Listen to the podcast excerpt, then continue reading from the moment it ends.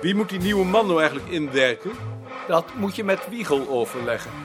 Tot nu toe deed hij dat altijd, maar ik ben er niet zeker van dat hij dat ook wil blijven doen. Kunt u dat dan niet beter vragen? De verhouding tussen Wiegel en mij is op het ogenblik wat moeilijk. Het is beter dat jij dat zelf doet.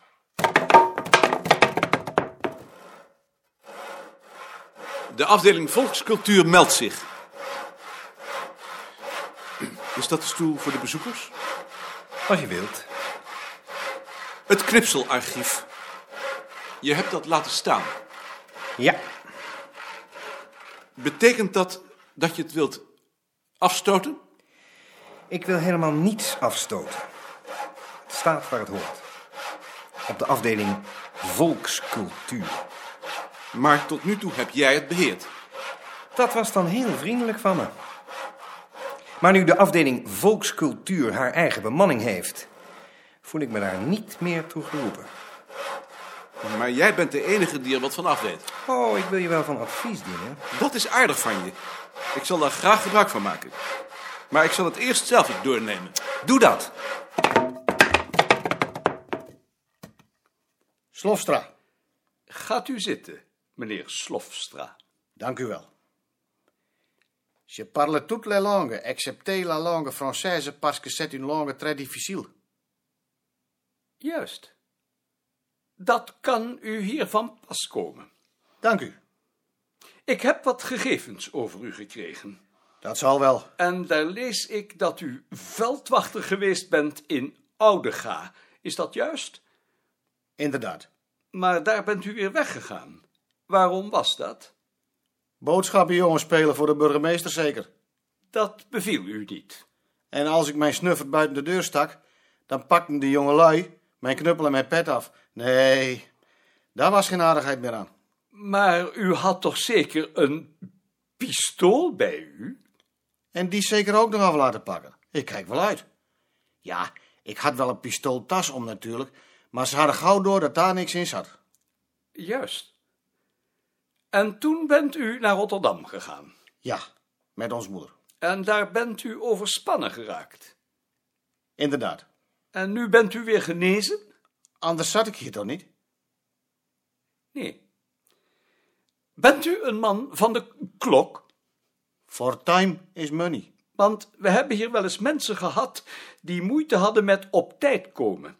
En dat kan natuurlijk niet op een bureau als het onze. Dat begrijp ik. Maar u hebt daar geen moeite mee? Nee, meneer. Die persoon van gisteren is er al. Hij stond al voor de deur. Jongen, jongen. Wat een boeken. Welkom hier. Slofstra. Je parle toutes les langues, excepté la langue française, parce que c'est une langue très difficile. Ja, dat weet ik. We hebben elkaar gisteren al ontmoet. Maar uw naam was Koning. Koning. Ik heb eens iemand gekend, die heet ook Koning. Dat was ik vast niet. Kon familie zijn. F.A. Koning. Wij heten allemaal M of K. Dat was een accountant in Indië. Geen prettig mens. Dan was het zeker geen familie. Dit is uw plaats. Ik heb hier een stapel knipsels. Die moeten gerubriceerd worden volgens dit systeem. Dat zal in het begin wel niet meevallen. Maar we zullen alles met elkaar bespreken. Als u vast een fiche aan elk knipsel hecht en daar een rubriek op schrijft, als u die vinden kunt, dan bekijken we dat over een paar dagen. Maar ik zal u eerst aan meneer Balk voorstellen. Jaap, dit is meneer Slofstra, de opvolger van Veerman. Balk. Je parle toutes les langues, excepté la langue française, parce que c'est une langue très difficile. De heer Slofstra is gearriveerd. Ik ben benieuwd. Hij is in ieder geval op tijd. Wij moeten nog een gesprek hebben over de atlas. Heb je nu even tijd? En Wat wilt u weten? wanneer is de atlas klaar? Over 400 jaar. Ik ben serieus. Ik ook. Dan nu in ernst. Als de eerste aflevering volgend jaar verschijnt, dan hebt u daar 25 jaar over gedaan. Dan trekken we 5 jaar af voor de oorlog, blijft 20 jaar. Er zijn 20 afleveringen. Dat is dus 400 jaar. Of eigenlijk 380 om precies te zijn. Maar ik stond er helemaal alleen voor. En nu ben jij er. Goed? 200 jaar. Op die manier kunnen we niet praten. Ik heb de commissie beloofd dat de atlas klaar zal zijn als ik met pensioen ga en dat is over zeven jaar. Daar zul je rekening mee moeten houden. Gaat u nou eens even na. 19 afleveringen in 7 jaar. Of eigenlijk 6.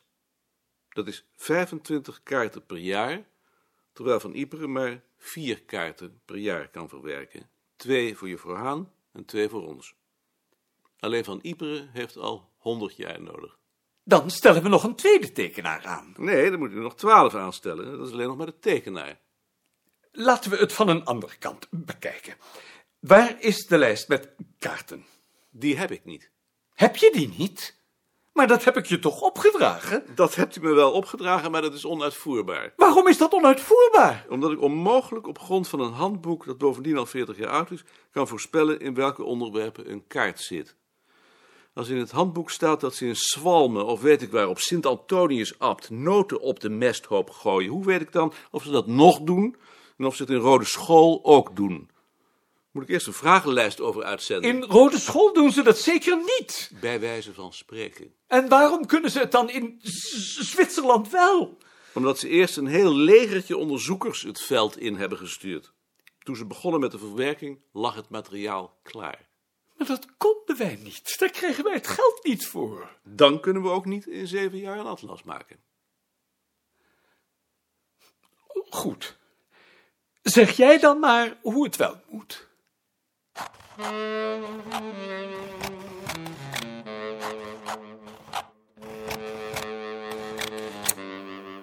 Gaat het? Ik hoop het. Maar Frans wil mij wel helpen. Niet Frans? Ik weet niet of ik daar tijd voor heb, hoor. It's all in the time of the boss. Frans is onderwijzer geweest. Als hij het niet kan, dan kan ik het ook niet.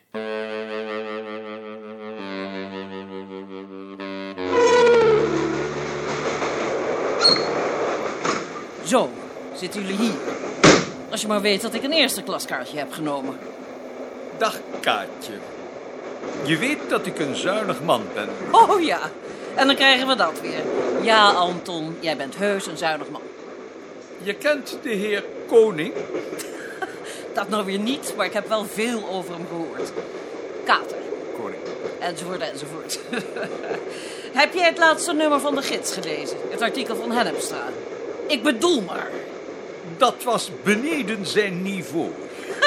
beneden zijn niveau. ja, zo kun je het ook uitdrukken.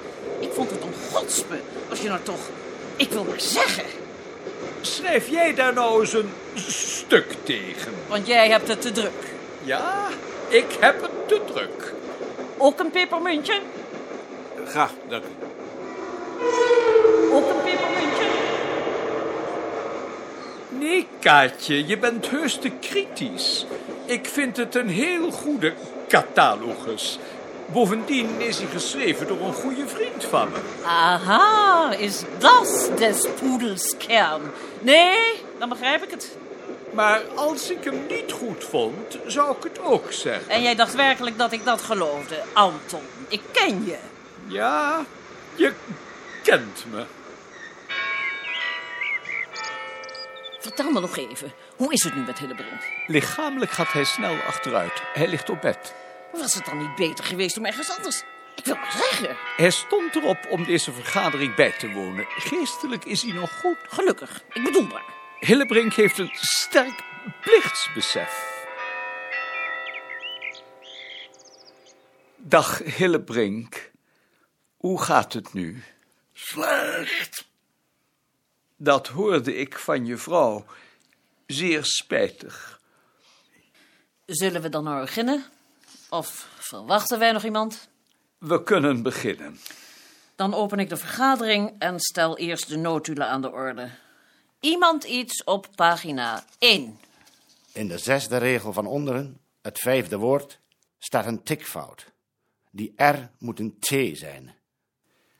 Inderdaad, die R moet een T zijn. Daarmee zijn de notulen goedgekeurd met dank aan de secretaris. Punt 3 van de agenda. Ingekomen stukken. Mijn eerlijk secretaris. Er is bericht van verhindering van de leden Boukema, Van Bohemen en Roziers. De heren Boukema en Van Bohemen wegens ziekte. De heer Roziers omdat hij onverwacht een advies voor de minister moest schrijven. Dat is bijna iedere keer. Ik bedoel maar. De heer Roziers heeft het er druk mee. En zijn er verder nog ingekomen stukken? Dan komen we aan punt 4. De samenstelling van de commissie. De secretaris heeft daarover een voorstel. Ja, mevrouw de voorzitter. Ik zou de vergadering willen voorstellen om professor Buitenrust Hettema tot lid van de commissie te benoemen.